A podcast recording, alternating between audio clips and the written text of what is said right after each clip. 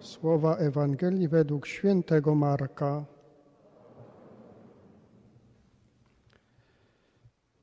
Apostoł Jan rzekł do Jezusa, Nauczycielu, widzieliśmy kogoś, kto nie chodzi z nami, jak w Twoje imię wyrzucał złe duchy i zaczęliśmy mu zabraniać, bo nie chodzi z nami.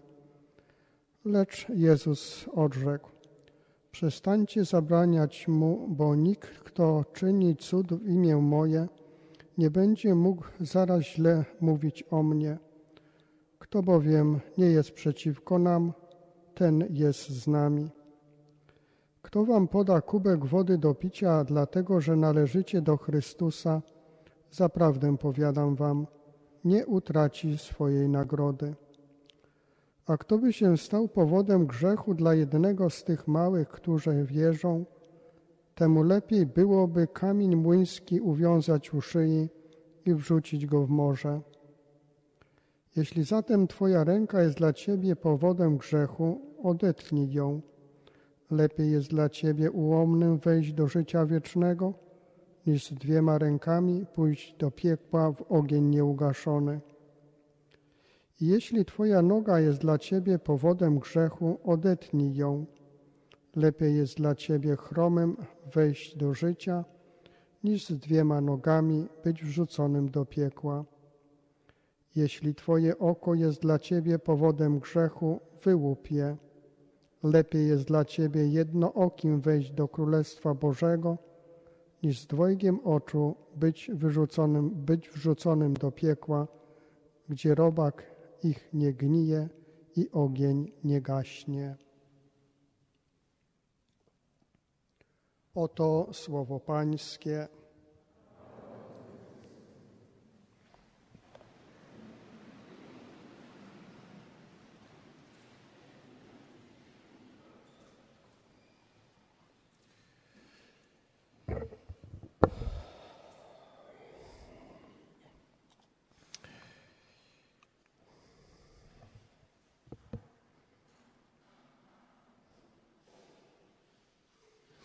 Dwa tygodnie temu była taka Ewangelia, gdzie, gdzie Piotr napominał Jezusa, że wszystko fajnie z tymi uzdrowieniami, wszystko świetnie z tymi rozmnożeniami, ale, ale żadnej męki to nie będzie. Żadnego, żadnego oddawania się w ręce ludzi nie będzie. I jak pewnie pamiętamy, dość ostro został postawiony do pionu. No to dzisiaj, y, dzisiaj kolejnym bohaterem y, y, jest umiłowany uczeń, święty Jan, który, jak mówimy, wszystko najlepiej zrozumiał. Był najbliżej Jezusa, najlepiej wiedział, o co chodzi w jego nauczaniu. I okazuje się, że nawet świętemu Janowi zdarzyły się wpadki, tak jak i, i tu dzisiaj. No bo Jan mówi do Pana Jezusa, no bo wiesz, jest taki facet, który uzdrawia w Twoje imię, ale on nie jest z naszej bandy. On, on nie jest od nas. On tu z nami nie chodzi. On nie ma naszej legitymacji. I myśmy poszli do niego, wyobrażacie to sobie, nie, że Jan poszedł sam. Oni tam poszli do niego w kilku, może w dwóch, a nie daj Boże w dwunastu. Stanęli tam nad nim i powiedzieli: Nie możesz. Nie, nie możesz. Nie masz do tego prawa bo nie jesteś z naszej bandy. Pan Jezus ich koryguje. Pan Jezus koryguje Jana i koryguje, koryguje apostołów i mówi: Nie zabraniajcie, bo to wiecie, tak nie działa. Bo mówi, że Duch Święty, że Bóg może działać także nie w tych strukturach, które tworzymy. To jest szokujące że w tych strukturach, które mamy, które są bardzo pobożne, które rzeczywiście wyrażają pełni obecności Boga, i Duch Święty nie musi być tym związany, i Bóg nie musi być tym związany. On może działać ponad tym, obok tego. Przykładem jakiś tam człowiek z dzisiejszej Ewangelii, który uzdrawia, o którym nic nie wiemy w imię Jezusa. Pan Jezus y, y, y, potem pokaże im na, tym, na, na czym to polega, nie wiem, czy pamiętacie, jak e, po zmartwychwstaniu jest taka scena w wieczerniku, czytamy ją zaraz po Wielkanocy, jak Pan Jezus przychodzi do nich i mówi: weźmijcie Ducha Świętego, którym odpuścicie grzechy, którym tym, tym są zatrzymane, którym odpuścicie, są odpuszczone. E, I daje im taką możliwość spowiadania, tak mówimy. Ale też doskonale pamiętamy, że w tym gronie nie było świętego Tomasza, tak? bo on dopiero był osiem dni później. No to jest w sumie dosyć ciekawe pytanie. Czy jak Pan Jezus mówił, weźmijcie Ducha Świętego, to powiedział tylko do tych, co byli w wieczerniku? Czy potem, kilka dni potem spotkał się z Tomaszem, ej, nie było Cię, to teraz musimy powtórzyć, tu zrobimy teraz taki mały seans dla Ciebie. No oczywiście, że nie. Oczywiście, że nie. To znaczy, Tomasz dostał tego Ducha Świętego dokładnie w tym samym momencie. Mimo, że go nie było razem, razem wtedy z pozostałymi. Pan Jezus y, w tej Ewangelii tak naprawdę pokazuje, y, y, myślę, że bardzo taką aktualną prawdę. Taką prawdę, z którą wielu z nas nawet nieświadomie w ogóle żyje, tak? to znaczy z którą się też zmaga. Pokazuje, jak się w ogóle tworzy Kościół, jak się tworzy Kościół Boga, jak się tworzy wspólnota ludzi wierzących. Czy chodzi tylko o samo przyjście? Czy chodzi tylko o to, że jak przyjdziemy na mszę świętą, jak jesteśmy w tym budynku, jak jesteśmy o tej godzinie tu u Dominikanów, to to, to już wystarczy. Czy takie proste uczestnictwo to już wszystko załatwia, no bo tu jesteśmy. Czy to wystarczy, żeby być zbawionym? Czy wystarczy nam to, że powiemy wierzę w Boga, że mamy metrykę chrztu, że nie wiem, jako tako orientujemy się w katechizmie Kościoła katolickiego i to nam już to wszystko zapewnia? Oni tak myślą. Może innymi słowami, trochę in, inny sposób, ale apostołowie dokładnie tak myślą. Właśnie oni reprezentują takie myślenie, że jak to wszystko zrobimy, to na pewno tak już będzie, bo jesteśmy tutaj razem. Jesteś z nami, jesteś nasz. Jak już jesteś nasz, jakby ten człowiek, co tam uzdrawia, to był z nami, no to by było super, bo by był właśnie od nas. Już by się o nic nie musiał martwić, my byśmy już tam odpowiedzieli, co ma robić. To jest myślenie o Kościele w duchu korporacji. Ważne, żebyś był. Ważne, żebyś był, a my się już o ciebie potem zatroszczymy, bo będziesz nasz.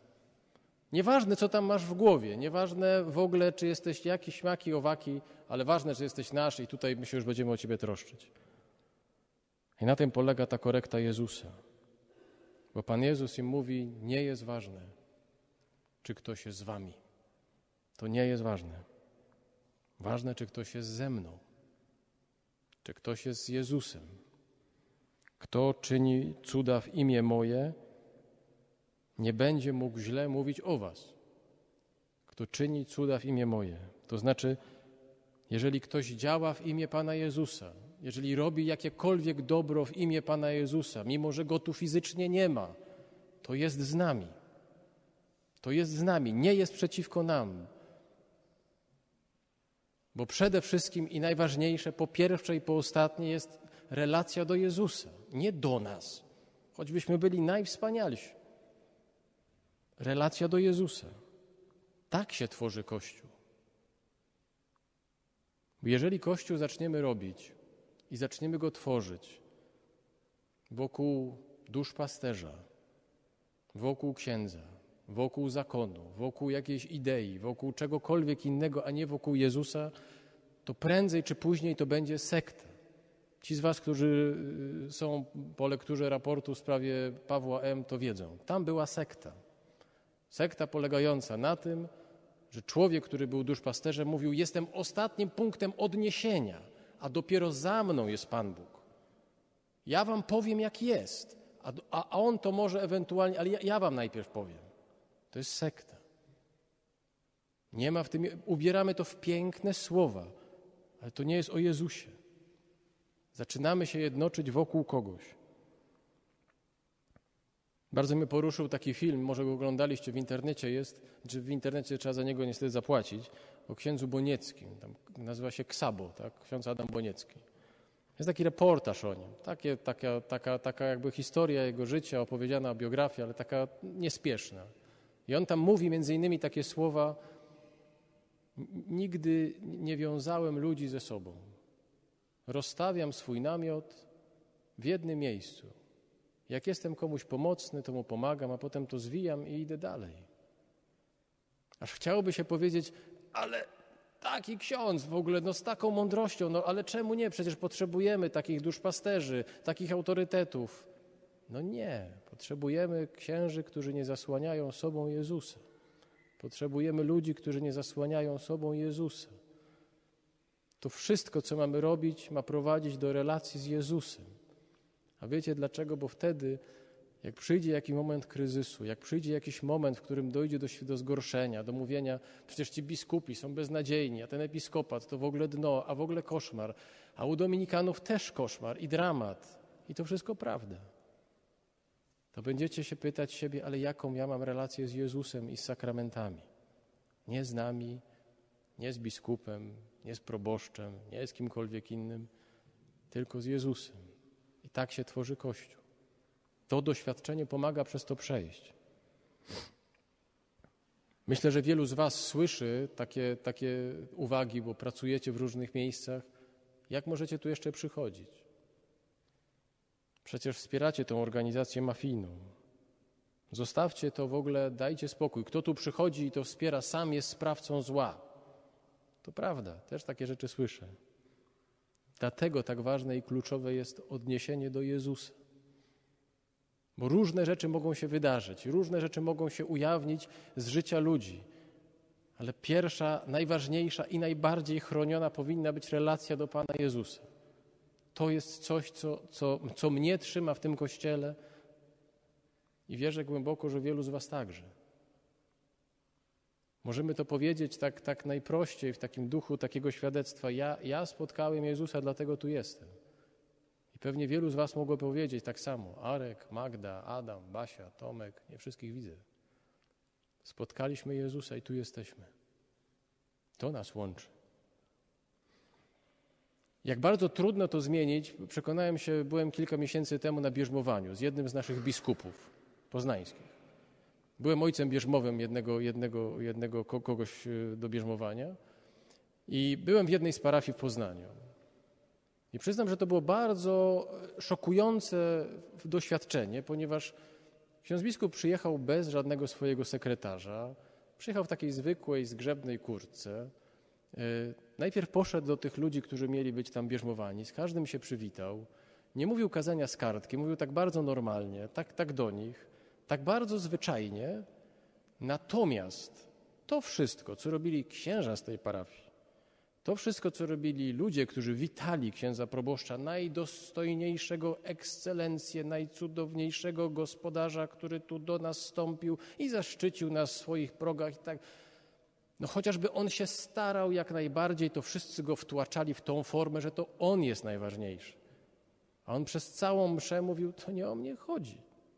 Świetnie, że, że w ogóle celebrujemy obecność Ducha Świętego między nami. A oni wszyscy mówili, ale bardzo dziękujemy, jak to cudownie, w ogóle wspaniale. I tak dalej. Chodzi o Jezusa. Im bardziej, Im bardziej o tym myślę, tym bardziej się przekonuję, że trzeba to sobie ciągle powtarzać. Dlatego Pan Jezus konsekwentnie tą drugą część Ewangelii opowiada w taki sposób, o tym odcinaniu. Oczywiście nie chodzi o to, że, że, że, mamy tu być kadłubkami, bez rąk, nóg, bez ucha, nosa. Nikogo Pan Jezus nie, nie, nie, nie, nie zachęca do takiego masakrowania siebie. Ale nawet jeżeli nie przeczytamy tego fragmentu dos, tak dokładnie, to nie znaczy, że on nie jest radykalny. Bo Jezus mówi: Wszystko, co jest powodem Twojego grzechu, to odcinaj. Wszystko, co Cię prowadzi do grzechu, odcinaj. Takie relacje, które Cię prowadzą do grzechu, odcinaj to, co cię oddala ode mnie, też odcinaj. Bo może się okazać, że świetnie wszystko jest, mamy świetne relacje, świetny układ, nawet mówimy fajna wspólnota, tylko Jezusa w tym nie ma. A weryfikacją, Pan Jezus mówi, są dwie. Dwie weryfikacje tego. Czy jesteśmy gotowi dać kubek wody spragnionemu i czy nie gorszymy najmłodszych? Czy nie powodujemy krzywdy najsłabszych? Tych ostatnich. Miara wspólnoty i obecności Jezusa w wspólnocie. I tak sobie myślę, że Jezus celowo tak to pokazuje, po to, żebyśmy się zastanawiali, ale co, mam sobie odciąć nogę, rękę? A mówi, nie. Badaj i sprawdzaj, gdzie jestem między wami. Bo jak stracimy wrażliwość na takie proste gesty, prosty gest, podaj kubek wody i nie powoduj, żeby ludzie stawali się gorsi przez ciebie, tym bardziej ci najbardziej niewinni. Bo jeżeli na to stracimy wrażliwość, to stracimy wrażliwość na Jezusa. To w tym się objawia Jego obecność.